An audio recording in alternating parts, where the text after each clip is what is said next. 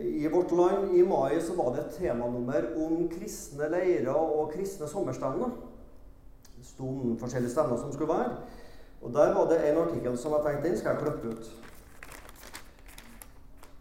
Jeg vet ikke om du ser det på så langt hold, men det står 'etterlyser mer anger og mindre kos' på kristne leirer. Jeg skal lese litt fra den artikkelen.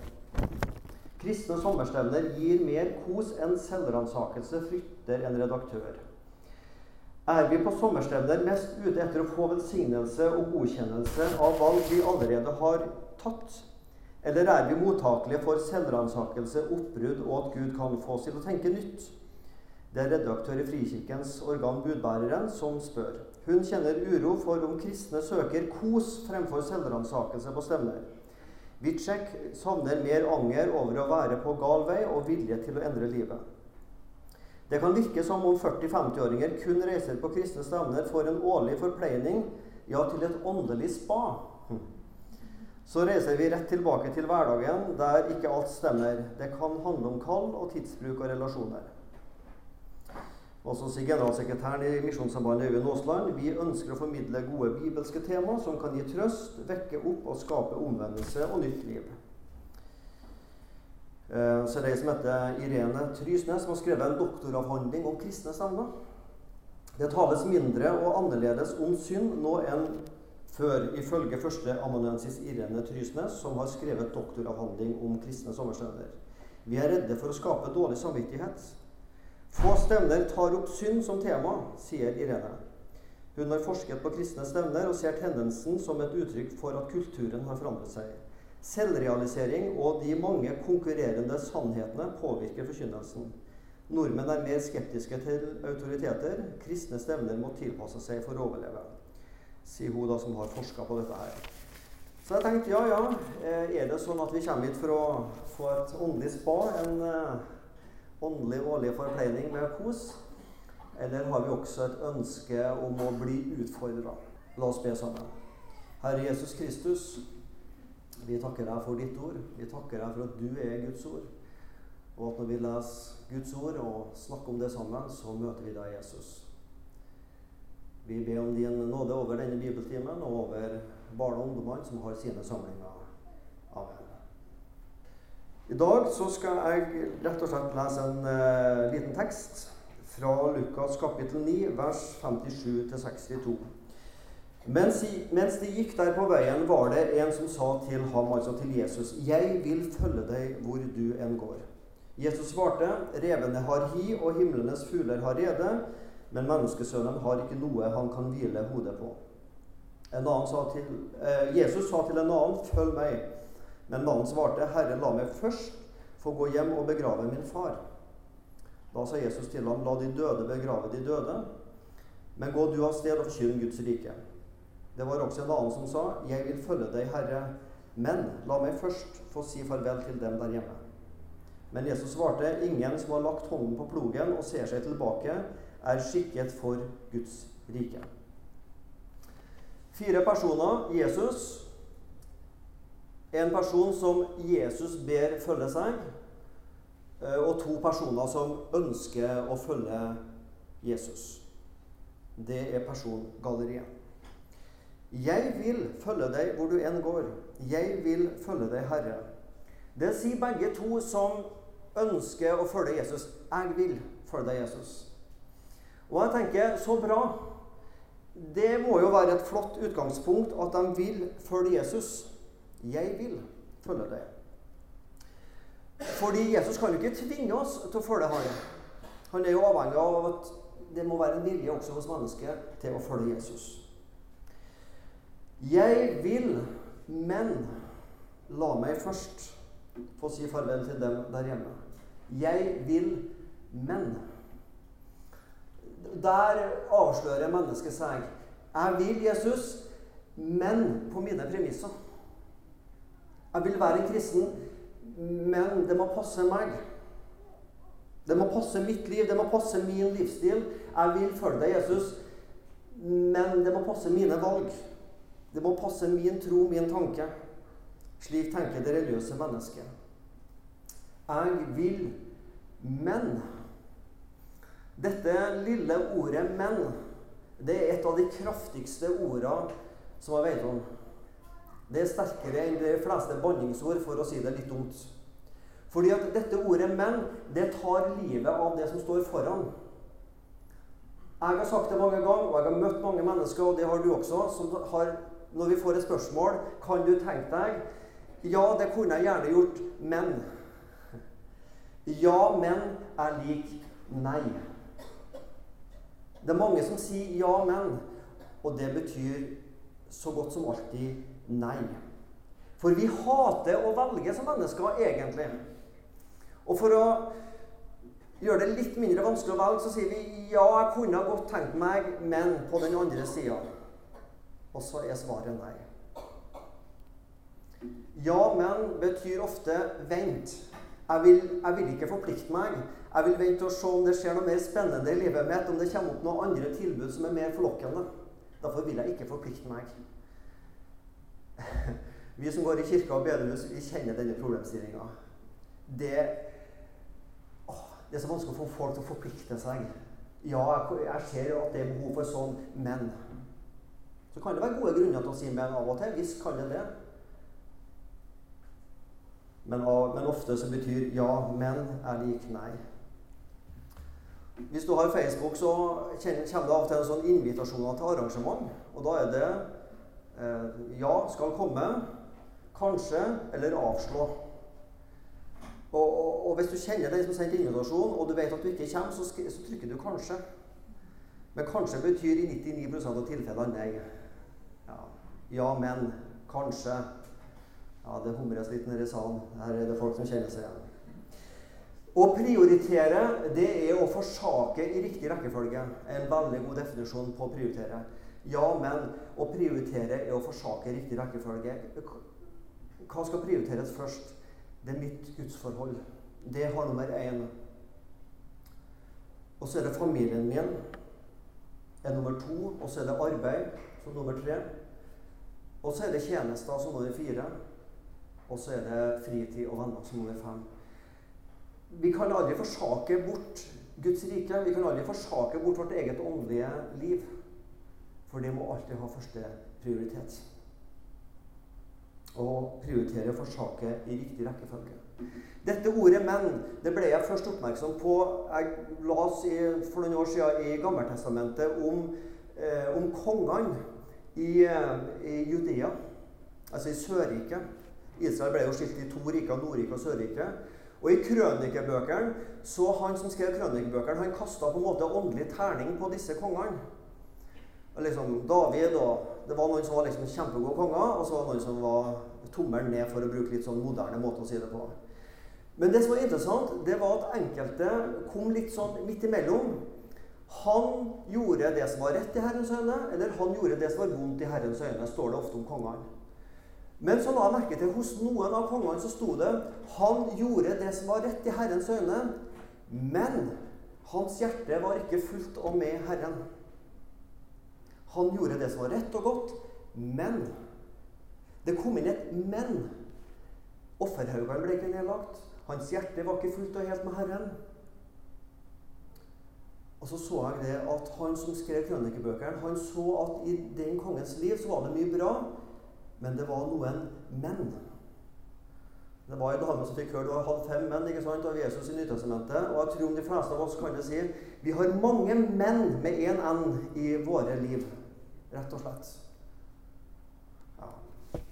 Det er ting som ikke blir nedlagt, kanskje, som vi skulle ha lagt fra oss. For en stund siden la seg en bok som heter 'Følg meg', av en amerikansk predikant som heter David Platt. Kanskje flere har lest den. Han har også skrevet en bok som heter 'Radikal'. Og Han skriver den boka om hvem som er kristen. Og han sier Ja, jeg kan jo lese fra boka.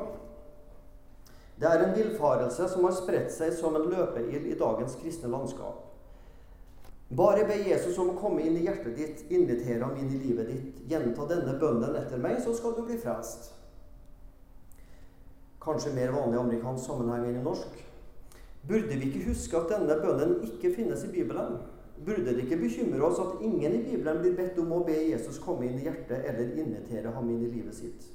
Likevel er det akkurat det skarer av bekjennende kristne har blitt oppmuntret til å gjøre. med en forsikring om at så lenge de har sagt visse ord i en bønn, løftet hånden, krysset av på et skjema, signert et ark eller gått fram til forbønn, så er de kristne og frelst for evig og alltid. Det stemmer bare ikke. Med gode hensikter og et oppriktig ønske om å nå så mange som mulig for Jesus, har vi på finurlig og villedende vis bagatellisert hva det innebærer å følge ham.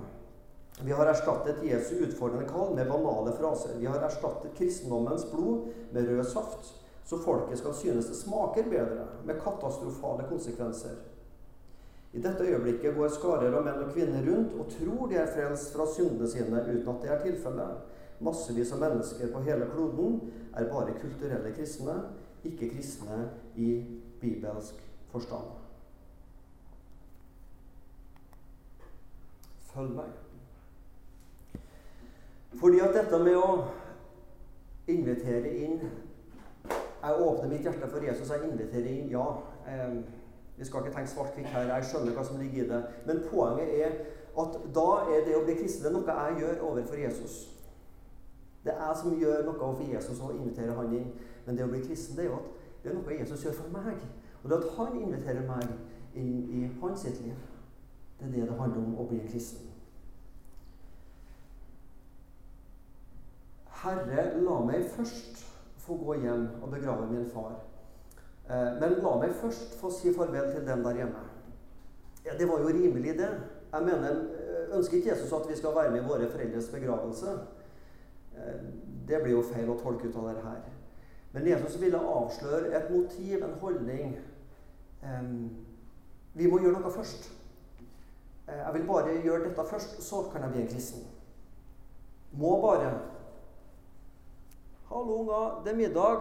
Jeg må bare først avslutte noe.' Ingen som har hørt det? Nei? Hender av og til vi hører det i vår familie når det er middag. Må bare først. Enten er det ungene som sier det, eller så er det mannen i huset som sier det. Det er akkurat som om du skal gå og ta toget. Så går du på stasjonen eller bussen, og så sier bussjåføren nå, går, nå går bussen. Ja, men jeg må bare først innom Narvesen og kjøpe meg sjokolade og en kopp kaffe. Det må jeg bare ha med på bussen Det er ingen bussjåfører som venter på det. Hvis ikke de er veldig snille eller dumsnille. Jeg må bare først. Ja, Jesus, jeg skal følge deg, men jeg må bare først. Hva er viktig, og hva er det som haster i livet vårt? Hva er viktig, og hva haster? Et nytt ordtak som er veldig godt. Det kan jeg si, for det er ikke jeg som har kommet på det. Det som er viktig, det haster sjelden. Og det som er haste, det er sjelden viktig. Men jeg står iallfall i faren for å, å, bruke mye tid på ting som jeg syns haster, men som egentlig ikke er viktig. Og så blir det sånne tidstyver i livet mitt. Ja, men jeg må bare først til Jesus. Og når jeg har gjort det, da, Jesus, har jeg tid for deg. Jeg må bare. Det er mange tidstyver, konsentrasjonsforstyrrere, som drar din og min tanke og øyne bort fra Jesus. Hva er det som må være først i våre liv? Hva er, eller for å spørre sånn, hva, hva, er det vi av og til, eller ikke bare av og til, men hva er det vi opplever som de viktige tingene i livet vårt her og nå? Jo, det er jo familien. Eh, ektefelle, barn. Hus, ekteskap. Forhold, karriere, jobb. Nytelsen, det gode livet. Mange viktige ting som vi syns, og mange av de tingene er jo selvfølgelig også viktige Jeg skal lese litt til fra denne boka av han David Platt, som heter 'Følg meg'. Han skriver om moderne hedenskap. Så kan vi prøve å se om vi kjenner oss igjen. Hva med mennesker i en overveiende kristen kultur? Mennesker som ikke bøyer seg for avguder eller ofrer til falske guder. Hvordan ser omvendelsen ut i deres liv? Altså Vi som ikke bøyer oss for stein og trebjelker og alt mulig sånn, men vi som lever liksom i en såkalt kristen kultur Hvordan ser omvendelse ut for oss, vi som er her? Dette er et svært viktig spørsmål, for det avdekker en grunnleggende svakhet i hvordan vi oppfatter oss selv. Når vi tenker på avgudsdyrkelse og falske guder, forestiller vi oss gjerne asiatiske mennesker som tilber avgudsbilder av stein, tre og gull eller afrikanske stammer som utfører ritualdanser rundt brennofre. Det er sånn du har sett på misjonsfilmer i 40-50 år. ikke sant? Vi tenker ikke på vestlige menn som ser på pornografi på nettet eller på ugudelige TV-program og filmer. Vi tenker ikke på vestlige kvinner som ustanselig drar på shopping for å skaffe seg nye ting, eller som alt for, er altfor opptatt av sitt eget utseende. Vi tar ikke med i betraktningen menn og kvinner i Vesten som elsker penger og er fullstendig oppslukt i materialisme. Vi tenker nesten aldri på vår kraftige anstrengelse for å klatre på karrierestigen, vår uavlatelige tilbedelse av sport Jeg fikk noe i halsen. Eh, vårt dårlige humør når ting går oss imot, våre bekymringer for at ting skal gå oss imot, all maten vi stapper i oss, og alle andre verdslige nytelser. Det kanskje aller viktigste er vår åndelige selvgodhet, den religiøse selvtilfreds den religiøse selvrettferdigheten som hindrer så mange av oss fra å innrømme at vi trenger Jesus. Vi kan ikke se for oss en kristen på den andre siden av kloden, en som tror på en gud av tre kan frelse ham, mens vi selv lever som om religion, penger, eiendeler, mat, berømmelse, sex, sport, status og suksess vil tilfredsstille oss. Tror vi virkelig at vi har færre avguder å gi slipp på når vi omvender oss? Ja, vi får ta til oss det vi kjenner Gud tar det til oss vi skal ta til oss. Først La meg først Jeg vil først ta det, så Jesus. Og Så drar vi med oss denne tanken også som en religiøs tanke inn i vårt gudsforhold. Jeg må først på en måte slutte med en del synder, så kan jeg komme til Jesus. Jeg må først ordne opp i mitt eget liv, og når livet mitt har blitt sånn rimelig pyntelig og greit, sånn gjennomsnittlig godt, da kan jeg komme til Jesus. Vi må først stoppe med noe før vi kan komme til Jesus. Det, det er som å tenke at jeg, jeg, jeg må huske å pusse tennene mine og gjøre det skikkelig før jeg går til tannlegen. Jeg må, jeg må vaske opp alle kopper og kar før jeg setter dem i oppvaskmaskinen. Ja. Men det, Dette skjønner vi er galskap, men denne tanken tar vi med oss inn i vårt gudsforhold. Jeg må bare først ordne opp i mitt liv, så kan jeg komme til Jesus. Nei, Bibelen sier noe annet. Gud viser sin kjærlighet til oss ved at Jesus døde for oss mens vi ennå var syndere. Ikke mens vi var på vei til å få et perfekt liv, men mens vi ennå var syndere. Så døde Kristus for oss ugudelige mennesker. Det er evangeliet.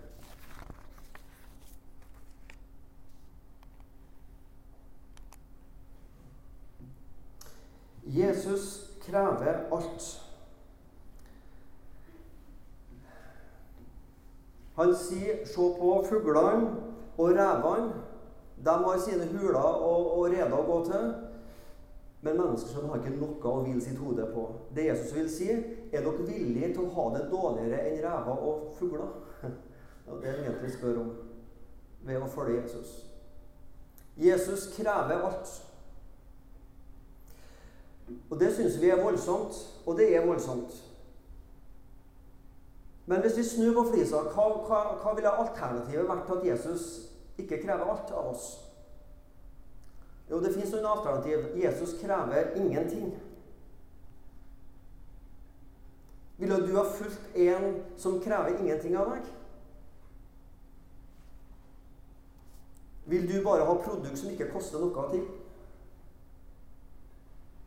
Og Av og til så feiler vi den fristelsen i kristen sammenheng. Ja, ja, men det, det, koster ingenting. Altså, Håper du kan bli med i styret her, men, men det er nesten ingen møter. Vi gjør nesten ingenting. Og så tror vi at vi lokker folk med, men egentlig sier vi at det er uviktige ting. Jesus krever alt. Jesus krever ingenting. Jeg vil ikke følge noen som krever ingenting. Eller et alternativ kan være Jesus krever det som passer meg. Ja, det passer jo litt bedre. Jeg vil være kristen på min måte. Og det skal passe meg. Og dette legger i oss som religiøse mennesker. Religion skal passe meg. Og hvis ikke den passer meg, så er det sikkert en annen religion som passer meg mer. Og så er det som en sånn kort hvor du går og velger egentlig hva du vil for noe. Men når det kommer til stykket, kan det være en tro som bærer for evigheten gjennom alle tider? Nei. Jesus krever alt. Eller et alternativ kan være Jesus krever det som er igjen etter jeg har arbeid og sovet og gjort mine fritidsinteresser. Det som da blir igjen av mitt liv, det kan Jesus få. Det er kakestykkekristendom. Vi deler opp vårt liv i forskjellige sektorer av kakestykker. Og det som blir igjen når alt det andre er gjort, det skal Jesus få. og det kakestykket blir ofte lite, og det blir kun smuler igjen for Jesus. Men kristendommen er jo ikke noe kakestykke. Det er jo hele kaka. Jesus vil jo være med i mitt ekteskap, i min familie, i mitt arbeid og øh, egentlig alt jeg gjør. Sånn at vi skal ikke tenke at Jesus krever det som blir igjen når alt det andre er gjort. Et alternativ kan være Jesus krever visse religiøse ritualer. I islam har du de fem søylene. Bare du gjør de fem tingene der, med faste og pilegrimsvandring og en, en, del ting til som ikke jeg husker i hodet, bønn og, og noe sånt, så er du en god muslim. Tenker muslimene. Men kristendom er ikke å gjøre visse religiøse ritualer, så er du en god kristen. Jesus krever alt. Ingen som har lagt hånden på plogen og så ser seg tilbake, er skikket for Guds rike. Her har du en bonde som pløyer. Han må pløye framover og ikke bakover. Også en litt mer moderne versjon. Bil og speil. Speil er god å ha. Speil er godt å se hva som ligger bak, og om det er ting på sida. Men du kan ikke navigere framover på veien etter å kikke i speilet.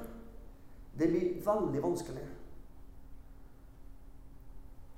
Men jeg tror i kristen sammenheng så ser vi oss ofte tilbake. Å se tilbake på mange måter. Et forbilde i Bibelen her er ikke et forbilde, da, et eksempel. Lots hustru. Ikke noe forbilde, men et eksempel. Hjertet hennes hang igjen i Sodoma, så hun kikka seg tilbake. Det var ikke fordi hun hadde lyst til å se at nå ble det spetakkel og fyrverkeri og det som verre i, i Sodoma, altså. men hennes hjerte hang igjen i Sodoma. Hun kikka seg tilbake. Har du hørt begrepet? Ja, det har du. Gammelkjæresten. Å kikke seg tilbake. Hadde jeg bare Hadde jeg bare valgt sånn den gangen En farlig tanke å dvele ved gammelkjæresten. Å snu seg og kikke tilbake.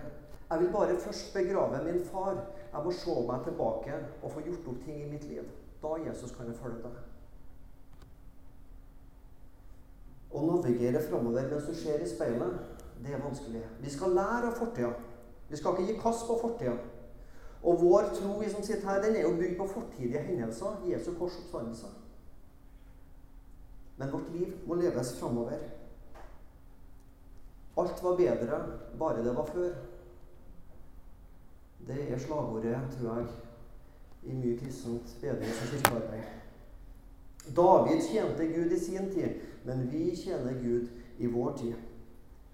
Vi skal tjene Gud i vår tid, og ikke slik det ble gjort på vårt gudshus for 50 år siden. Eller 100 år siden. Bedehus og kirker må ikke bli et museum av slik kristenlivet så ut på vår plass for 50-100 år siden. Det må være et hus for mennesker i dag.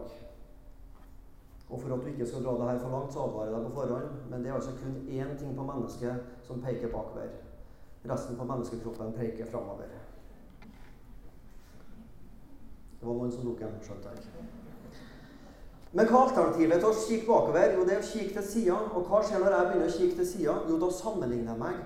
Hvordan er jeg som kristen i forhold til han? Og oi, i forhold til hun er jo så god en kristen.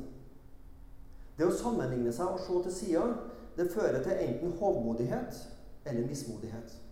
Enten kikker du på noen som er dårligere enn deg sjøl, og det er jo mest fristende, og da blir du hovmodig. Eller så kikker du på noen som du syns lever bedre enn deg, og så blir du mismodig. Og begge delene er like dumt. Nei, ikke se til sida. Ikke se bak. Det fins andre plasser vi skal se som kristne. Vi skal se fram. Se opp og fram. Mine søsken. Jeg tror ikke om meg selv at jeg har grepet det, sier Paulus til filipperne. Men én ting gjør jeg. Jeg glemmer det som ligger bak, og så strekker jeg meg etter det som er foran, og jager fram mot målet, mot en seierspris som Gud fra det høye har kalt oss til i Kristus Jesus. Kikk fram, kikk opp, kikk ut. Jeg har fått all makt i himmel og på jord. Gå derfor ut og gjør alle folkeslag til disipler. Ikke lev vårt kristenliv og med kikke i speilet og at alt var så mye bedre før. Men lev vårt liv heller ikke med å sammenligne oss, men se fram og se ut mot oppdraget vi har, og se opp på Han som er verd at vi kikker på. Jesus krever alt. Og helt til slutt Gud krever alt av synderen og av Jesus. Gud krever alt. Du skal få en historie. Om den er sann eller ikke, vet ikke jeg, men den er veldig god. Det var en bonde oppe i Hardanger som eh, dyrka epler. Og Et år så hadde det vært god sesong for epler, så han hadde fått voldsomt epler. Han hadde fått så mye epler at han, hadde, så, han kunne ikke få gjøre alt han skulle gjøre av det. Så han tenkte jeg tar trillebåren, og så fyller jeg opp den, og så kjører jeg ned til riksveien, og så setter jeg den der. Og så setter jeg opp et skilt der jeg skriver at det er gratis, bare forsyn dere. Og så forsyner folk seg, og så forsvinner det. Det gjorde han. Trilla ned en gedigen haug med epler, satte det fram, gikk hjem og kikka ut av stuevinduet og kjøkkenvinduet i ny og ne og kikka på den haugen som forsvant, eller burde ha forsvunnet. Men han la merke til at der kom det og gikk det folk, kikka på disse eplene og kikka på skiltet, og tok ingenting med seg og gikk. Og det drev på ei lang synd. Det ble ikke tatt ei eple. Tenkte her må det være noe galt. Og det var det. Han gikk ned, og han kikka på skiltet. Og det som sto der, var helt rett. Alle bokstavene var helt rett. Gratis. Det var bare at han hadde bytta litt på rekkefølgen på bokstavene. Så i stedet for 'gratis for syndere', så sto det 'gratis for syndere'. Og da var ikke mye av haugen som forsvant. Den tok alle, gitt. Det var bra. Det er ikke ofte jeg opplever at alle tar historien min, gitt. Bare for syndere. Jo, men det er akkurat det det Gud krever alt. Gud krever fullkommenhet. Han krever ikke 99% av deg. Han krever 100 Og da datt jeg igjennom. Og beklager å si det, men du visste det på forhånd. Du har også datt igjennom. Men det som er så fantastisk, at det Gud krever, det gir han også. Hvis du tar neste Ja, nå streka det litt her med teknikken. Der kommer det. ja. Gud gir det han sjøl krever i Jesus Kristus. Det er jo det som er evangeliet. At Gud krever alt. Da kjenner du loven trykke oss. Men når Gud sjøl gir alt han krever i Jesus Kristus, ah, da er det tilgitt. Gud krever alt. Og det han krever, har han gitt i Jesus Kristus. Herre Jesus Kristus, jeg ønsker å følge deg med mitt syndefulle liv, med mine halvveise ting, med mine menn og med mine først, og med mine unnskyldninger.